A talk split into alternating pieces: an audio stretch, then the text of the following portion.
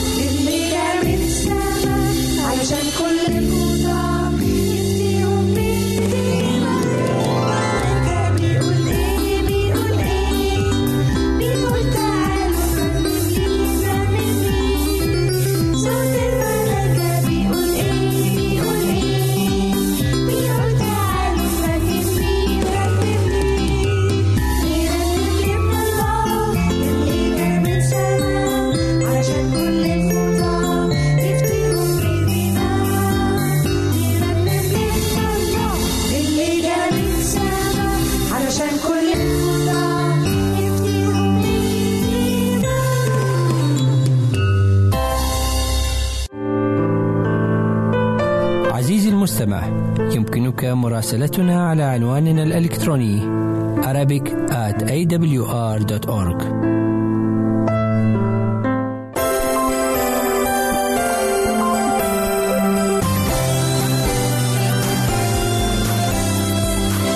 أنتم تستمعون إلى إذاعة صوت الوعد.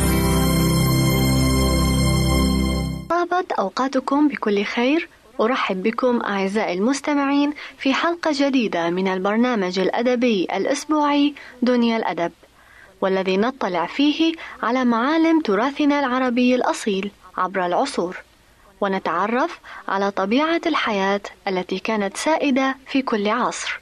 أرجو لكم أوقاتا ممتعة بصحبتنا.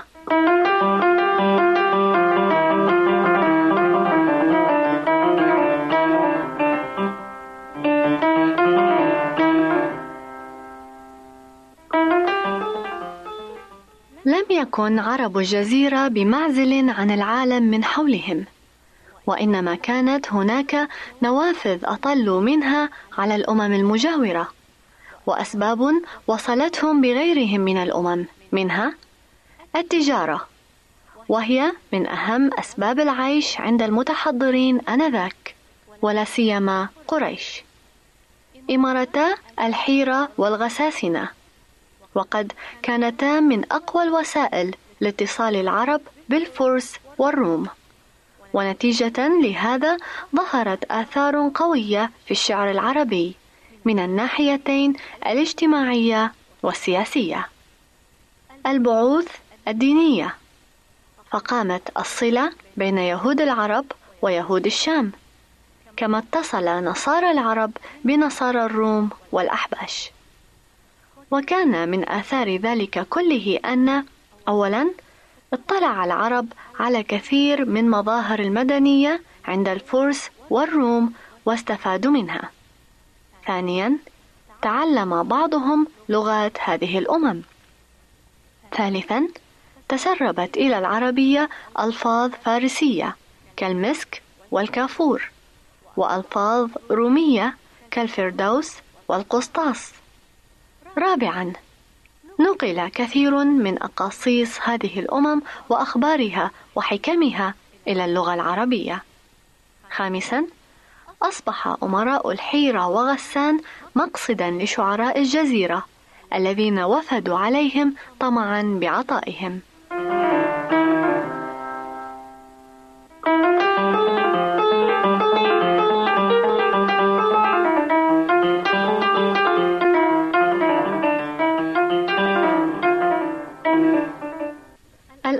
المفروغ منه هو أن لكل بيئة تأثير على الأدب فيها وخلال الدقائق القادمة سنطلع على أثر البيئة الجاهلية في أدب ذلك العصر.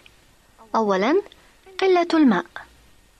قلة الماء جعلت العربي يتلهف عليه ويكثر من ذكره في كلامه، فالبدوي إذا دعا قال: سقيا ورعيا، وإذا مدح قال: يداه كغمامة أو بحر أو غيث أو ندى.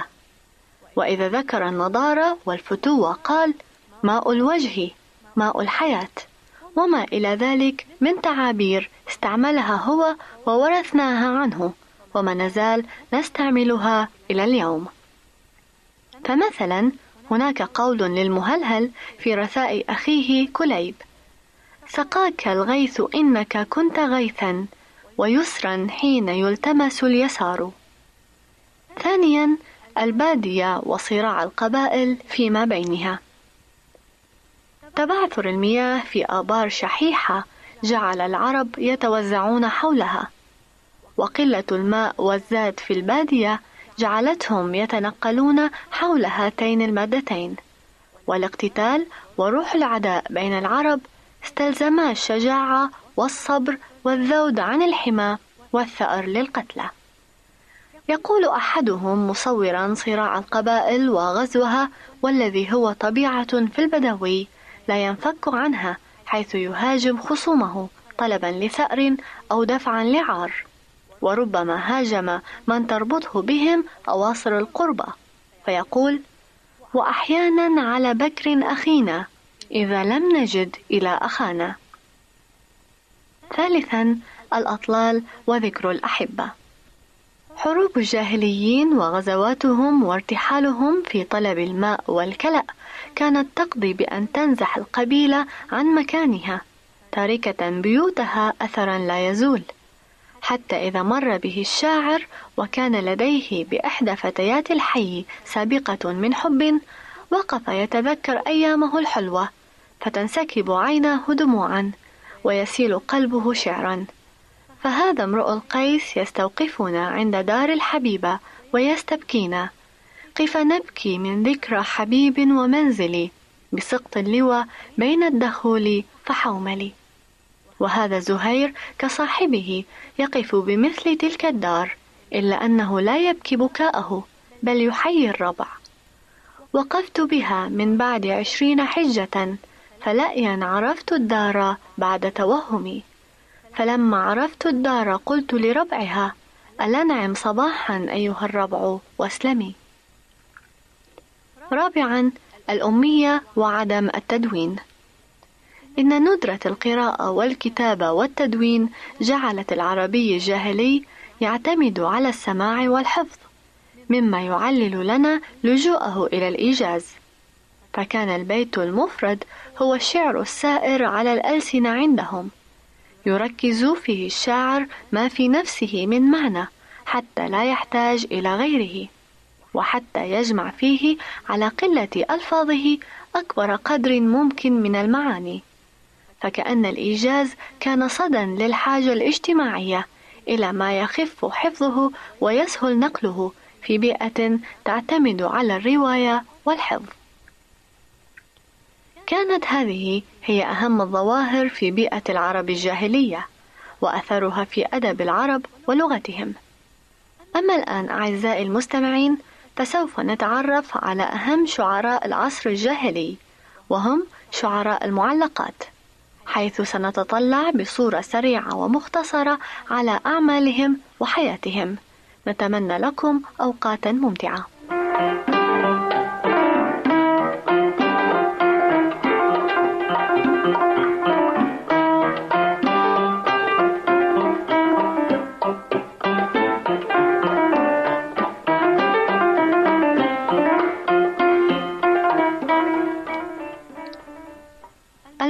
المعلقات هي من أشهر القصائد الجاهلية وأطولها نفسا وأبعدها أثرا.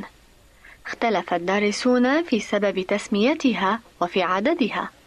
وقيل أنها سميت معلقات لأنها كتبت بماء الذهب وعلقت على جدران الكعبة. وقيل بل لكونها جديرة بأن تعلق في الأذهان لجمالها أو لأنها كالأصمات التي تعلق في الأعناق. والمعلقات سبع بنظر البعض وعشر بنظر آخرين. وأشهر أصحابها امرؤ القيس وعنتر بن شداد وزهير بن أبي سلمة وطرفة بن العبد ولبيد بن ربيعة وعمرو بن كلثوم والحارث بن حلزة.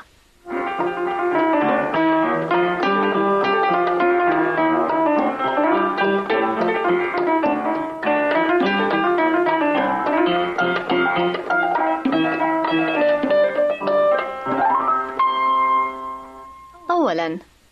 كان أول شعر علق في الجاهلية من المعلقات السبع هو شعر امرؤ القيس الذي علق على ركن من أركان الكعبة أيام الموسم حتى ينظر إليه. ثم علقت الشعراء من بعده وكان ذلك فخرا للعرب في الجاهلية. وامرؤ القيس ابن ملك كند وشاعرها كان أول من ابتدع في الشعر أشياء سبق الناس إليها. ولد امرؤ القيس في نجد عام 500 ميلادية وتوفي في أنقرة عام 540 ميلادية على الأرجح. وامرؤ القيس من أشهر شعراء الجاهلية بل أولهم منزلة. قتل أبوه حجر الكندي ملك بني أسد.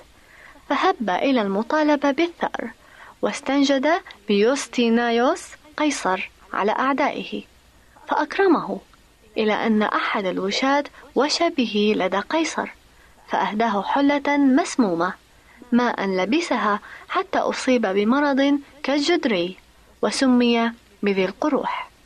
أما معلقته فمطلعها قف نبكي من ذكرى حبيب ومنزلي بسقط اللواء بين الدخول فحوملي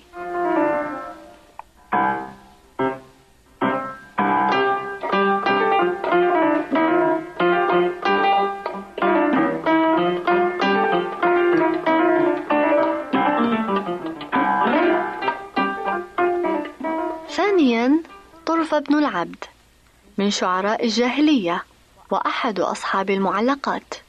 ولد بالبحرين عام 543 ميلادية وهو ابن أخت المتلمس. بدد طرف ثروته كلها وهام يضرب في الأرض إلى أن اتصل بعمرو بن هند ملك الحيرة فمدحه. ثم غضب عليه عمرو بن هند وأمر بقتله.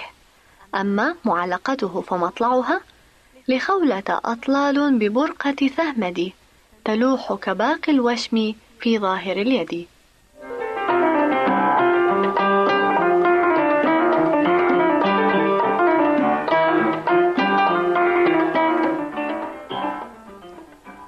ثالثا زهير بن أبي سلمة. ولد في نجد عام 530 ميلادية وتوفي عام 627 ميلادية. وزهير دقيق الوصف متين التنسيق ميال إلى الحكم في شعره. ذكر في معلقته حرب السباق ومساعي البعض في سبيل الصلح فيها. ومطلع معلقته أمن أم أوفى دمنة لم تكلمي بحومانة الدراج فالمتثلم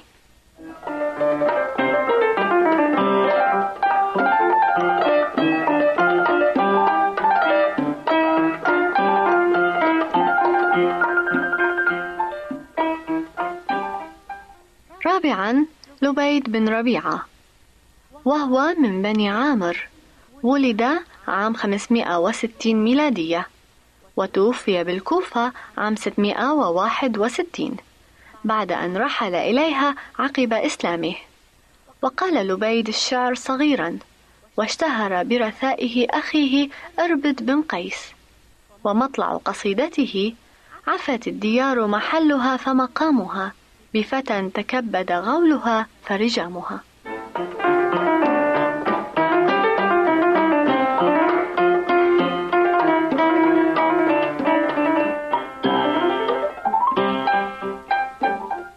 خامسا عنترة بن شداد وهو من مشاهير شعراء الجاهلية وفرسانها. أمه الزبيبة وهي عبدة حبشية. كان أسود اللون. اشتهر ببطولته في الحروب وكرم خلقه ونبوغه في الشعر.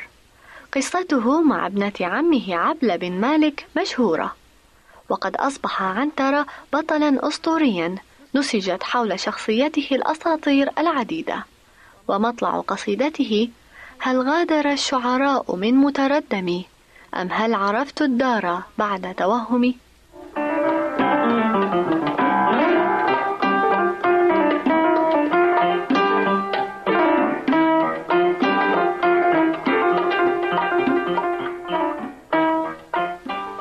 سادسا الحارث بن حلزة وهو من أهل العراق وقد اشتهر بدفاعه عن قبيلته أمام عمرو بن هند ملك الحيرة ومطلع قصيدته آذنتنا ببينها أسماء رب ثاو يمل منه الثواء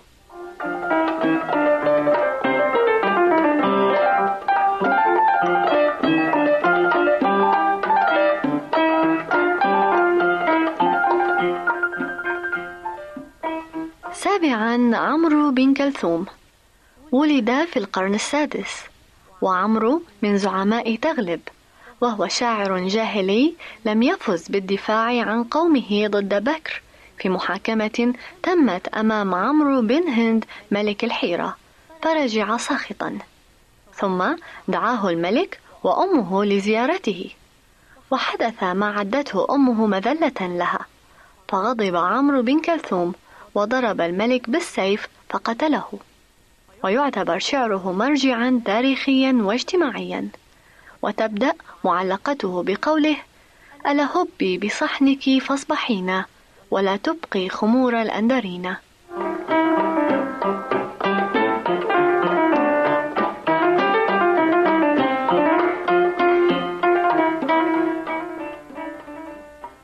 أعزائي إلى هنا نأتي إلى نهاية حلقة اليوم من برنامجكم دنيا الأدب. حتى نلتقي بكم في الأسبوع القادم نتمنى لكم كل الخير والبركة. هذه أحلى تحية لكم من رغدة سليم وإلى اللقاء.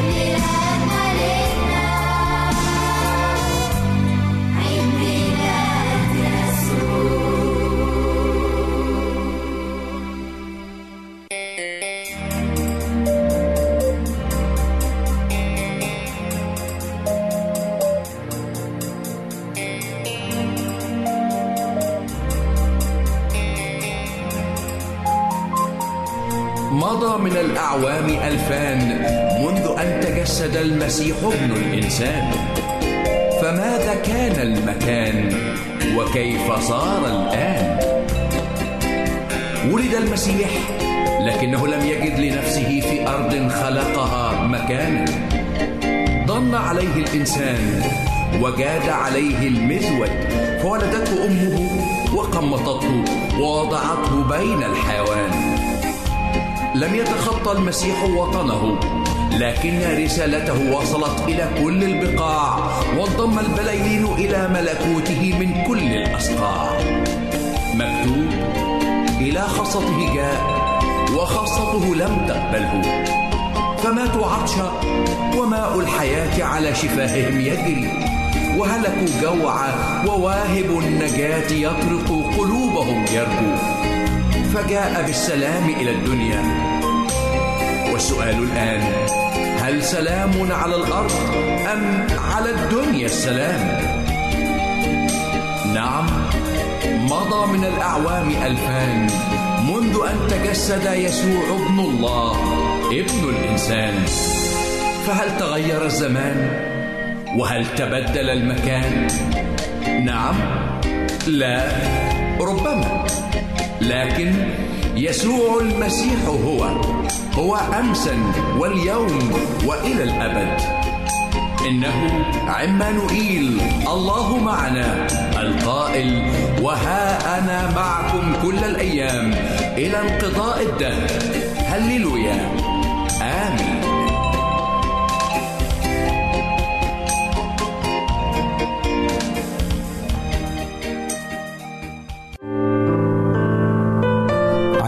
المستمع يمكنك مراسلتنا على عنواننا الإلكتروني Arabic at awr.org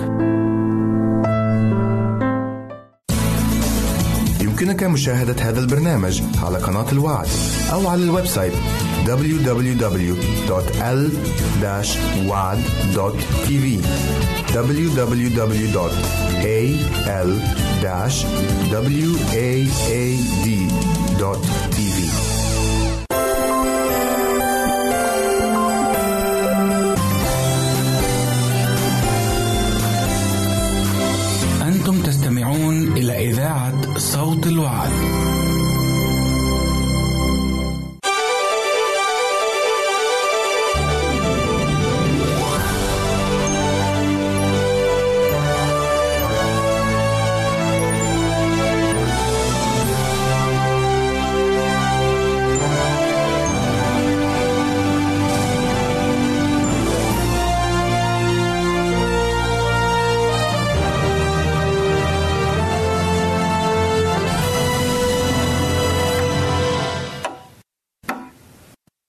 أيها الأعزاء إنني جد سعيد أن نتحدث مع بعضنا عن موضوع هام للغاية في هذه السلسلة علامات الساعة.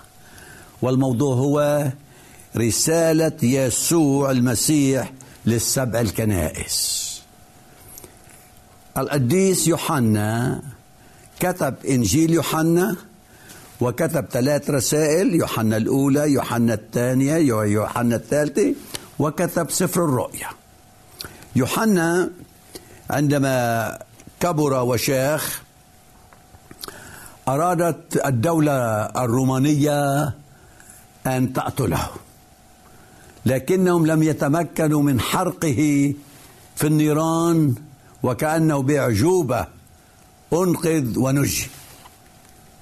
ولذلك أرسلته منفيا إلى جزيرة بطمس. وبينما كان في تلك الجزيرة الله سبحانه وتعالى أظهر له ما دون لنا سفر الرؤيا. وسفر الرؤيا هي إعلان ليسوع المسيح لكي يشدد يوحنا بأن الكنيسة كنيسة الله العلي هي بألف خير ويظهر له زمن الكنيسة أو عصر الكنيسة من وقت تأسيسها إلى أن يأتي يسوع ثانية. فأول آية في سفر الرؤيا الأصح الأول والعدد الأول تقول إعلان يسوع المسيح. إذا سفر الرؤيا هو إعلان إعلان ليسوع المسيح الذي أعطاه إياه الله ليري عبيده ما لابد أن يكون عن قريب. وبينه مرسلا بيد ملاكه لعبده يوحنا.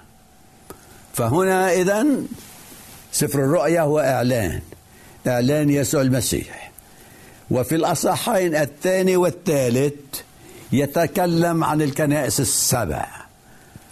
بنتي مع زوجها من مدة قصيرة ذهبت إلى هذه الكنائس إلى هذه الأمكنة وحيث كانت توجد كنائس في آسيا الصغرى في تركيا. وانذهلت لما شاهدت ولما سمعت من المرشد. فالأصح الأول والعدد الرابع يقول يوحنا إلى السبع الكنائس التي في آسيا. نعمة لكم وسلام من مين؟ من الكائن والذي كان والذي يأتي. نعمة لكم من المسيح. يقدمه يوحنا للكنائس السبع ثم يذكر عن هذه الكنائس يذكرها كنيسة كنيسة وموجودة كلها في آسيا. لكن في نفس الوقت هذه الكنائس السبع تشير وترمز إلى سبع عصور للكنيسة من وقت تأسيسها سنة 31 ميلادية إلى أن يأتي يسوع ثانية. وهنا يبدأ بالكنيسة الأولى. لكن علينا أن نلاحظ شيء أيها الأعزاء. لكل كنيسة يذكر هذه الكلمات. أنا عارف أعمالك أو أعمالك. الله الذي يعرف كل شيء. الله الكلي الحكمة والكلي المعرفة والكلي القدرة الذي أمامه كل شيء مكشوف. قال لكل كنيسة من الكنائس أنا أعرف أعمالك أو أعمالك وهو يقولها لكم ولي أنا بعرف كل شيء عنك. مش حتى نخاف أنا بعرف المشاكل يلي بعتمر فيها أنا بعرف المرض يلي عم يألمك أنا بعرف الوضع والحالة التي أنا فيها وأنا بريد أكد لك أنه أنا بحبك وبريد خلاصك وبريد خيرك. الله نحن أمامه ككتاب مفتوح يعرف كل شيء عنا كما قال للكنائس ولكل كنيسة أنا أعرف أعمالك. ثم نلاحظ شيء آخر أيها الأعزاء عن هذه الكنائس إذ أن هنالك وعد وعد للغالبين. في كل كنيسة هنالك وعد وعد للغالبين. أول كنيسة هي كنيسة أفسس وكنيسة أفسس يقول لها هذه الكلمات هذا الوعد. قال من يغلب فسأعطيه أن يأكل من شجرة الحياة. نعرف بأن الله عندما خلق أبوان الأولين ووضعهما في الجنة وكانت هنالك شجرة الحياة بالإضافة إلى شجرة معرفة الخير والشر. طرد أبوان الأولان من الجنة كي لا يأكلا من شجرة الحياة ويعيشان حياة شر حياة فساد حياة فناء. إذا أكلوا من شجر الحياة آنذاك يعيشوا في الشر طيلة الحياة. لهذا السبب طردا من الجنة. ولكن هنا يقول لنا الكتاب بأننا سنعود إلى الجنة لنأكل من شجرة الحياة. وبعدها يقول من يغلب فلا يؤذيه الموت الثاني. سمعنا موضوع بكامله عن الموت ماذا يحدث للإنسان عندما يموت. ويسوع المسيح شبه الموت بالنوم. الأشرار والأبرار يموتون هذا الموت الذي نواجهه. وفي الموت لابد في حزن في كآبة في فراغ في ألم في فراق. لكن هذا مش الفراق النهائي. هذا هو الموت الأول. هذا الجسم الفاني يموت. لكن الموت الثاني هو الموت النهائي. لهذا السبب يقول من يغلب فسأعطيه. فلا يؤذيه الموت الثاني. ثم هنالك وعد آخر للكنيسة الثالثة. من يغلب فسأعطيه أن يأكل من المن المخفى. وبعد يقول للكنيسة الرابعة من يغلب ويحفظ أعمالي إلى النهاية فسأعطي سلطانا على الأمم وأعطيه كوكب الصبح. ومن يغلب فسأجعله عمود عمودا في هيكل إلهي. ومن يغلب فسأعطيه أن يجلس معي في عرشي هذه الوعود لمن يغلب. وأملي أن نكون جميعنا من الغالبين إذ بعد فصل قصير سنعود لنتابع هذا الموضوع.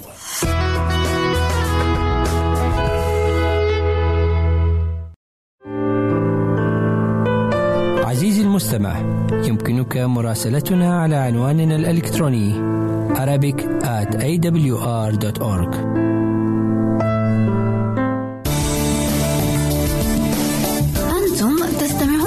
إذاعة صوت الوعد.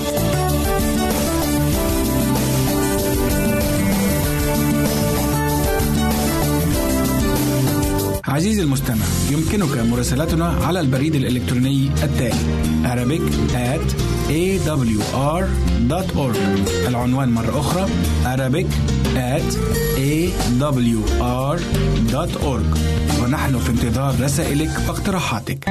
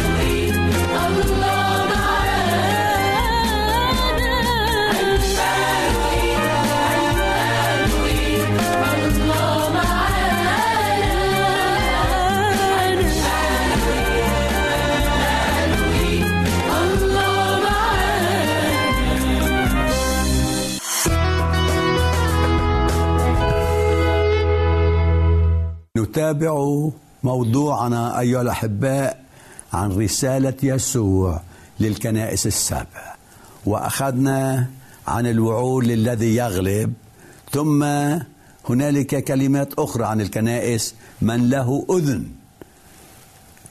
فليسمع ما يقوله الروح للكنائس.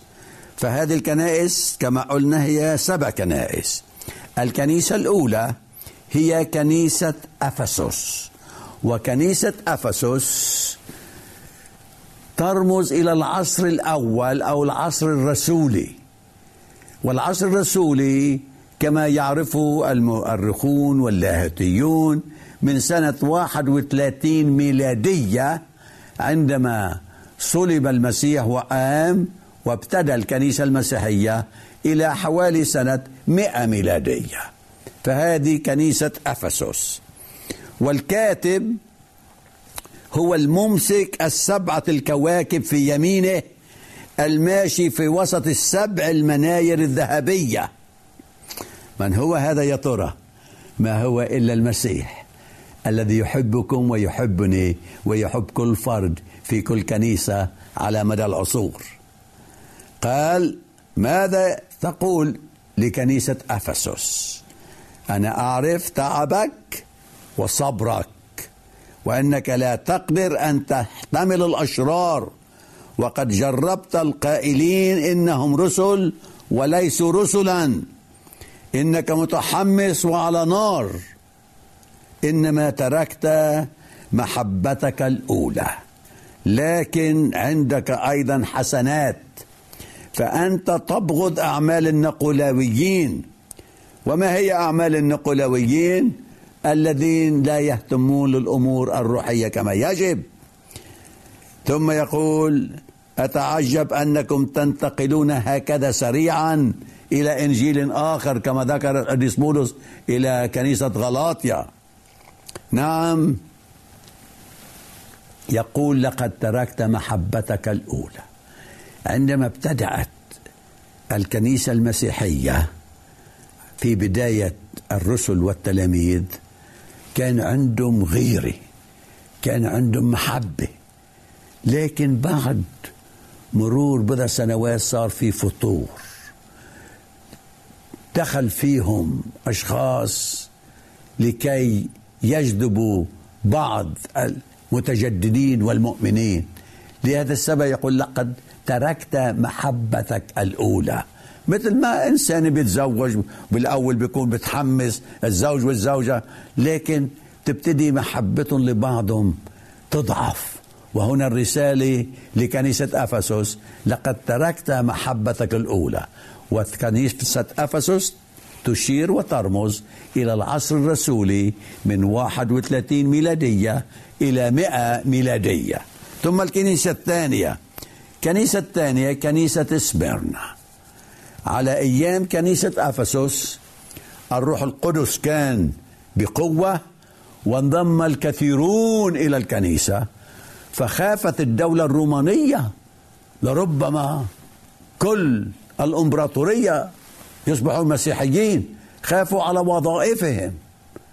فالكنيسة الثانية كنيسة سمرنا يقول هذه الكلمات لها هذا يقوله الأول والآخر. الذي كان ميتا فعاش. وقع اضطهاد عظيم. على الكنيسة الثانية كنيسة سمرنا وكلمة سمرنا تعني مر.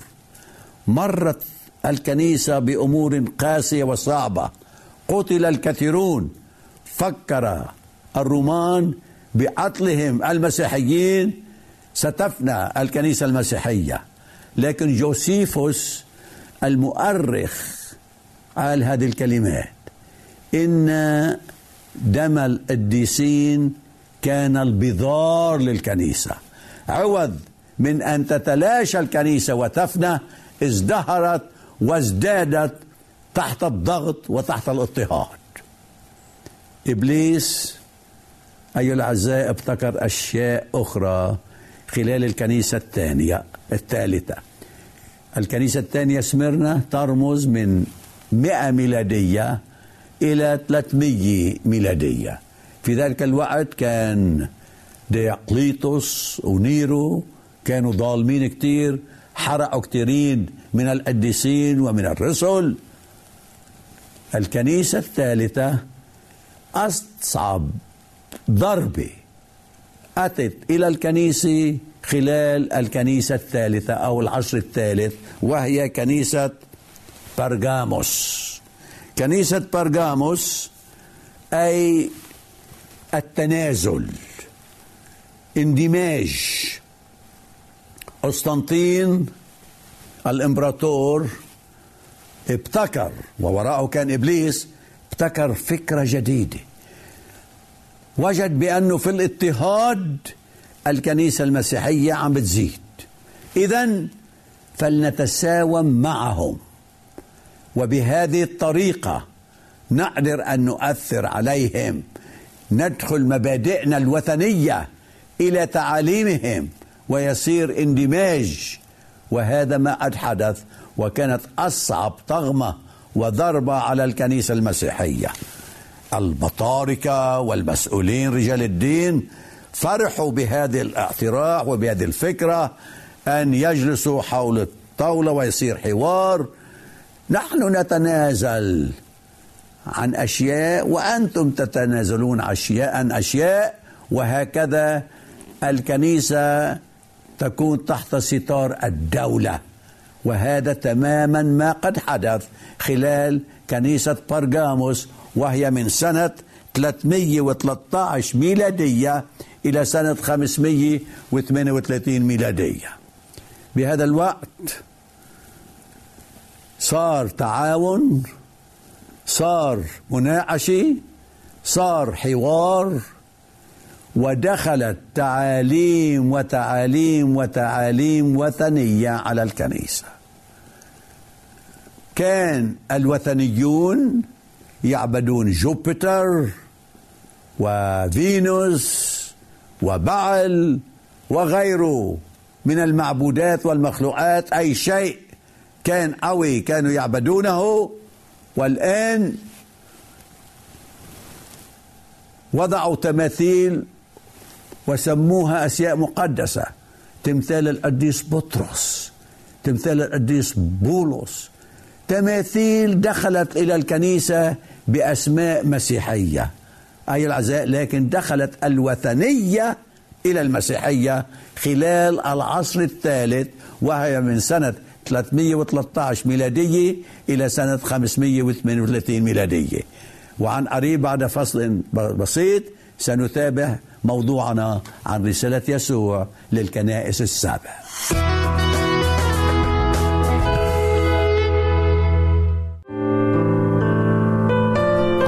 المستمع يمكنك مراسلتنا على عنواننا الإلكتروني Arabic at awr.org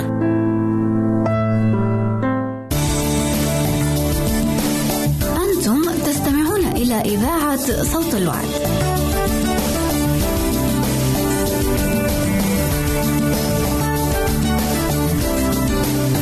عزيزي المستمع يمكنك مراسلتنا على البريد الإلكتروني التالي Arabic at awr.org العنوان مرة أخرى Arabic at awr.org ونحن في انتظار رسائلك واقتراحاتك.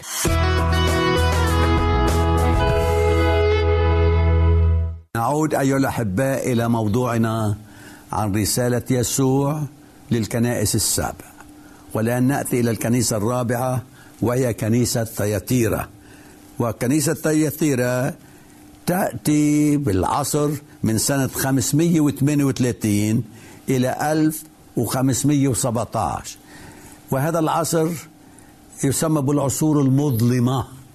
وكنيسة ثياتيرا يقول هذا يقوله ابن الله الذي عيناه كلهيب نار ورجلاه مثل النحاس النقي. من هو؟ المسيح. هذه رسائل من المسيح لهذه الكنائس والتي تسبب المرأة إيزابل التي تقول إنها نبية حتى تعلم وتغوي عبيدي أن يزنوا ويأكلوا ما دخل الأوثان إيزابل درسنا موضوع بكامله عندما حكينا عن إيليا النبي. كان على أيام آخاب الشرير وتزوج إيزابل الشريرة وجلبت عبادة البعل. فكانوا يعبدون التماثيل والبعل وهنا هذه الكنيسة أيضا ترمز إلى نفس الشيء يقول عندها إيزابل أي تدعي أنها متدينة ولكن بعيدة كل البعد عن الدين, الدين لهالسبب سميت بالعصور المظلمة.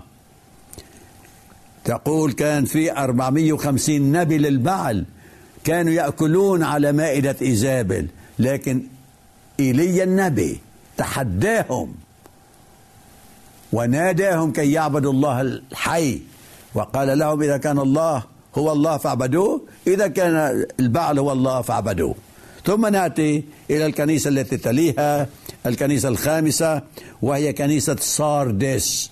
كنيسة ساردس هي كنيسة الإصلاح. بعد العصور المظلمة هنالك بعض الأشخاص الذين كانوا ينكبون على دراسة كلمة الله. خلال العصور المظلمة الكتاب المقدس لم يكن بلغة يعرفها عامة الشعب. كانوا يأتون إلى المعابد والكنائس ويصلون دون أن يفهموا أي كلمة. ولهذا السبب سميت بالعصور المظلمة لأن كلام الله هو النور. لكن لم تكن كلمة الله معروفة إنما كان عليهم أن يتعبدوا بدون أن يعرفوا أي كلمة تقال من على المنابر. إنما كان جون ويكليف الذي اقترح بأن يترجم الكتاب المقدس إلى لغة يعرفها الشعب فسمته الكنيسة آنذاك بأنه هرطوقي هذا يجب أن يعدم لأنه اقترح بأن الكتاب المقدس يجب أن يكون بلغة يعرفها الشعب. لهذا السبب هو وغيره من المصلحين الذين أتوا وسمي بعصر الإصلاح. عصر الإصلاح كان من سنة 1517 إلى سنة 1750 وبعد عصر الإصلاح تأتي الكنيسة السادسة وهي كنيسة فيلادلفيا. أي كلمة فيلادلفيا المحبة. وكنيسة فيلادلفيا كانت عصر المرسليات. بعد أن أتى الإصلاح وعمت البشارة وسمح للناس أن يقرأوا الكتاب المقدس وابتدأت المرسليات. يذهبون إلى أنحاء العالم ويبشرون بكلمة الله. وهذا الوقت كان من سنة 1750 إلى سنة 1844 هذا هو وقت الإصلاح أو المحبة. عصر الإصلاح وبعد عصر المحبة لأن كان الناس منغمسين بمحبة الله. يقرؤون الكتاب ويريدون أن يظهروا ثمار الروح التي هي محبة فرح سلام وداعة طول أنات وطبعا كثيرين منا بنسمع عن الكنيسة السابعة. يلي كل بيقولوا نحن عايشين هلأ في أي عصر؟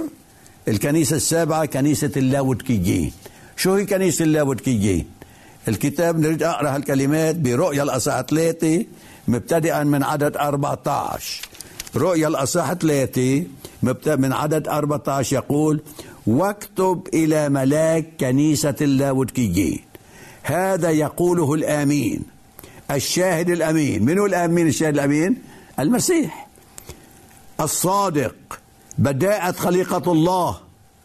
أنا عارف أعمالك. مثل ما لاحظنا لكل كنيسة أنا عارف أعمالك. أنك لست باردا ولا حارا مش متحمس للحق ومش ماشي وثني بتدعي إنك متدين لكن ادعاء فقط. لا بارد ولا حار. ليتك كنت باردا أو حارا. لكن لأنك بهذا الوضع أنا مزمع أن أتقيأك من فمي. لأنك تقول أنا غني وقد استغنيت. أنا عندي الكتاب المقدس أنا بعرف المسيح أنا مخلص أنا مؤمن.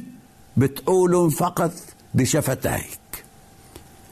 لأنك تقول إني أنا غني وقد استغنيت ولا حاجة لي إلى شيء ولست تعلم كيف وضعك كيف حالتك؟ الكتاب يقول ولست تعلم أنك أنت الشقي والبئس وفقير وأعمى وعريان. أشير عليك أن تشتري مني ذهبا مصفا بالنار لكي تستغني وثيابا بيضا لكي تلبس.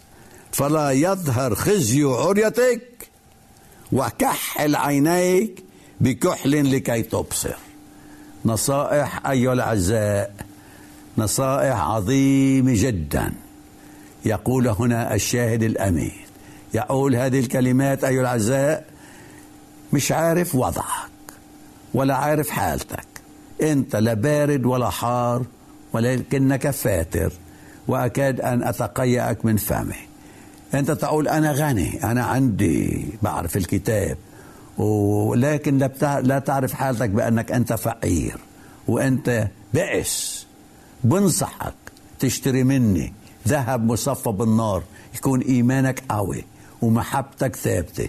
هذه النصيحة هذه الكنيسة الأخيرة التي نعيش نحن في أيامها إلى أن يأتي المسيح ثانية. عسانا أن نكون حارين بالروح ويكون المسيح كل شيء فينا لكي نستعد ونعد آخرين لمجيئه الثاني المجيد. هذه أمنيتي ودعائي لكل واحد منا وأرجو وأتمنى أن نسمع منكم كاتبونا على العنوان الموجود والرب يباركنا جميعاً.